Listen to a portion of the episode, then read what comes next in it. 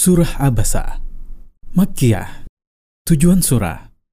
Surah ini fokus menetapkan hakikat dakwah Al-Quran, kemuliaannya, dan luhurnya kedudukannya.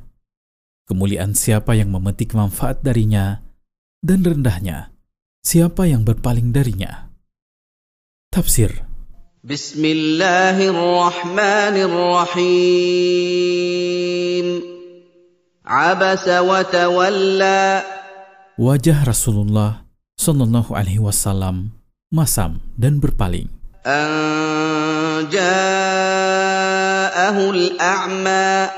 Karena kehadiran Abdullah bin Umi Maktum yang meminta bimbingan kepada beliau.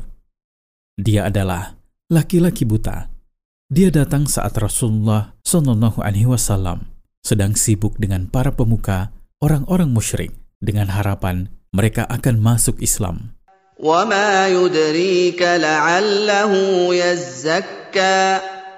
Siapa tahu, wahai Rasul, bisa jadi laki-laki buta ini ingin membersihkan dirinya dari dosa-dosanya.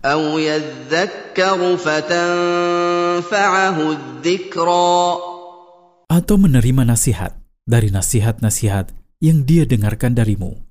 Lalu dia mengambil manfaat darinya.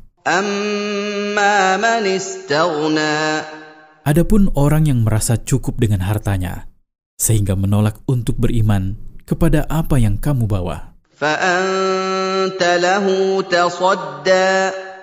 Maka kamu justru mengurus dan memperhatikannya.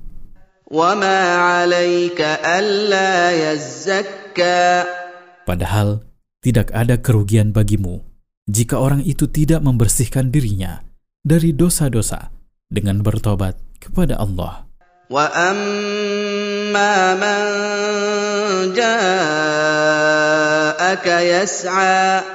Adapun orang yang datang dengan bergegas kepadamu untuk mencari kebaikan, dan dia takut kepada Tuhannya,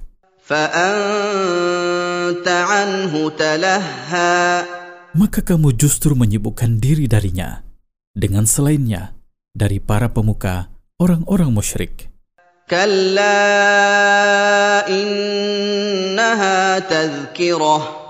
Perkaranya tidak demikian. Sesungguhnya, ia hanyalah nasihat dan peringatan untuk siapa yang mau menerimanya.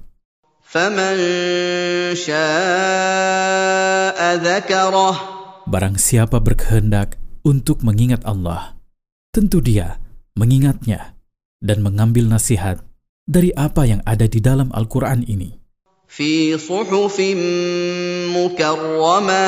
Al-Quran ini berada di dalam lembaran-lembaran yang mulia di tangan malaikat-malaikat. Terangkat di tempat yang tinggi, disucikan, tidak terkena kotoran dan najis. Ia ada di tangan rasul-rasul dari kalangan malaikat. Mereka adalah malaikat-malaikat yang mulia di sisi Tuhan mereka mereka banyak melakukan kebaikan dan ketaatan.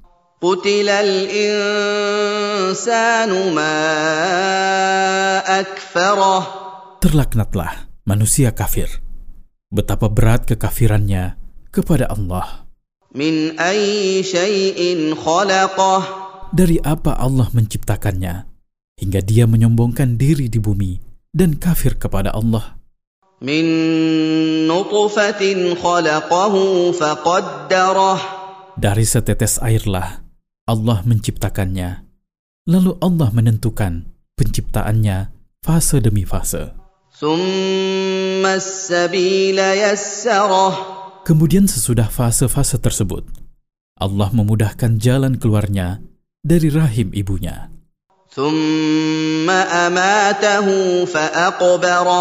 Kemudian sesudah Allah menentukan umur dalam hidupnya, Allah mematikannya dan menjadikan kubur untuknya yang dia tinggali hingga dia dibangkitkan.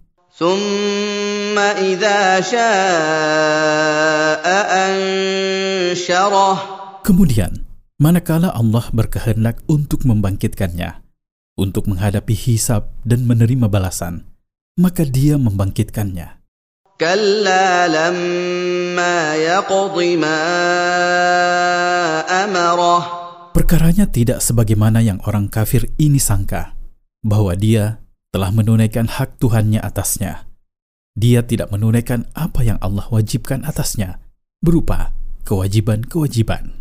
فلينظر الانسان الى طعامه Hendaknya orang yang kafir kepada Allah melihat makanannya yang dia santap, bagaimana ia terwujud. انا صببنا الماء صبا Asalnya adalah bahwa kami menuangkan air dari langit, yaitu air hujan.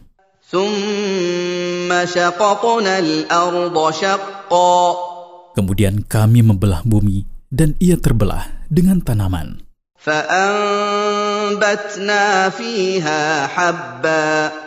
Maka kami menumbuhkan di atasnya biji-bijian berupa gandum, jagung, dan lainnya. Kami juga menumbuhkan di atasnya anggur dan rerumputan untuk makanan ternak. Kami juga menumbuhkan zaitun dan pohon kurma.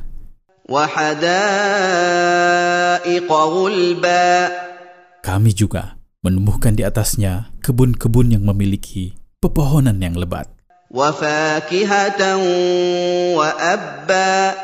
Kami juga menumbuhkan di atasnya buah-buahan, dan kami menumbuhkan apa yang dimakan oleh ternak-ternak kalian, متاعا لكم ولأنعامكم untuk manfaat bagi kalian dan manfaat bagi hewan-hewan ternak kalian.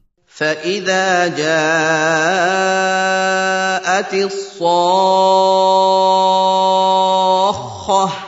Jika tiupan sangkakala kedua datang, يوم يفر المرء من أخيه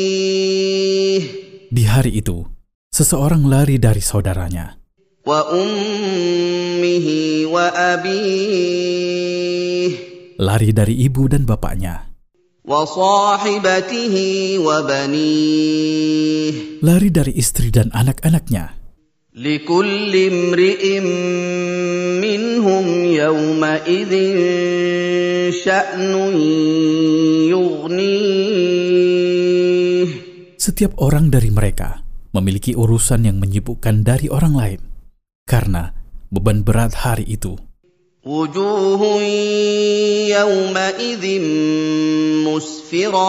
Wajah orang-orang yang berbahagia pada hari itu berseri-seri.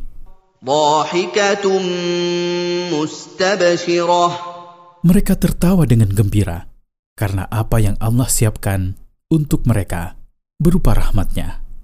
ووجوه يومئذ عليها غبرة Wajah orang-orang yang sengsara pada hari itu diliputi oleh debu, ترهقها قترة dipayungi oleh kegelapan.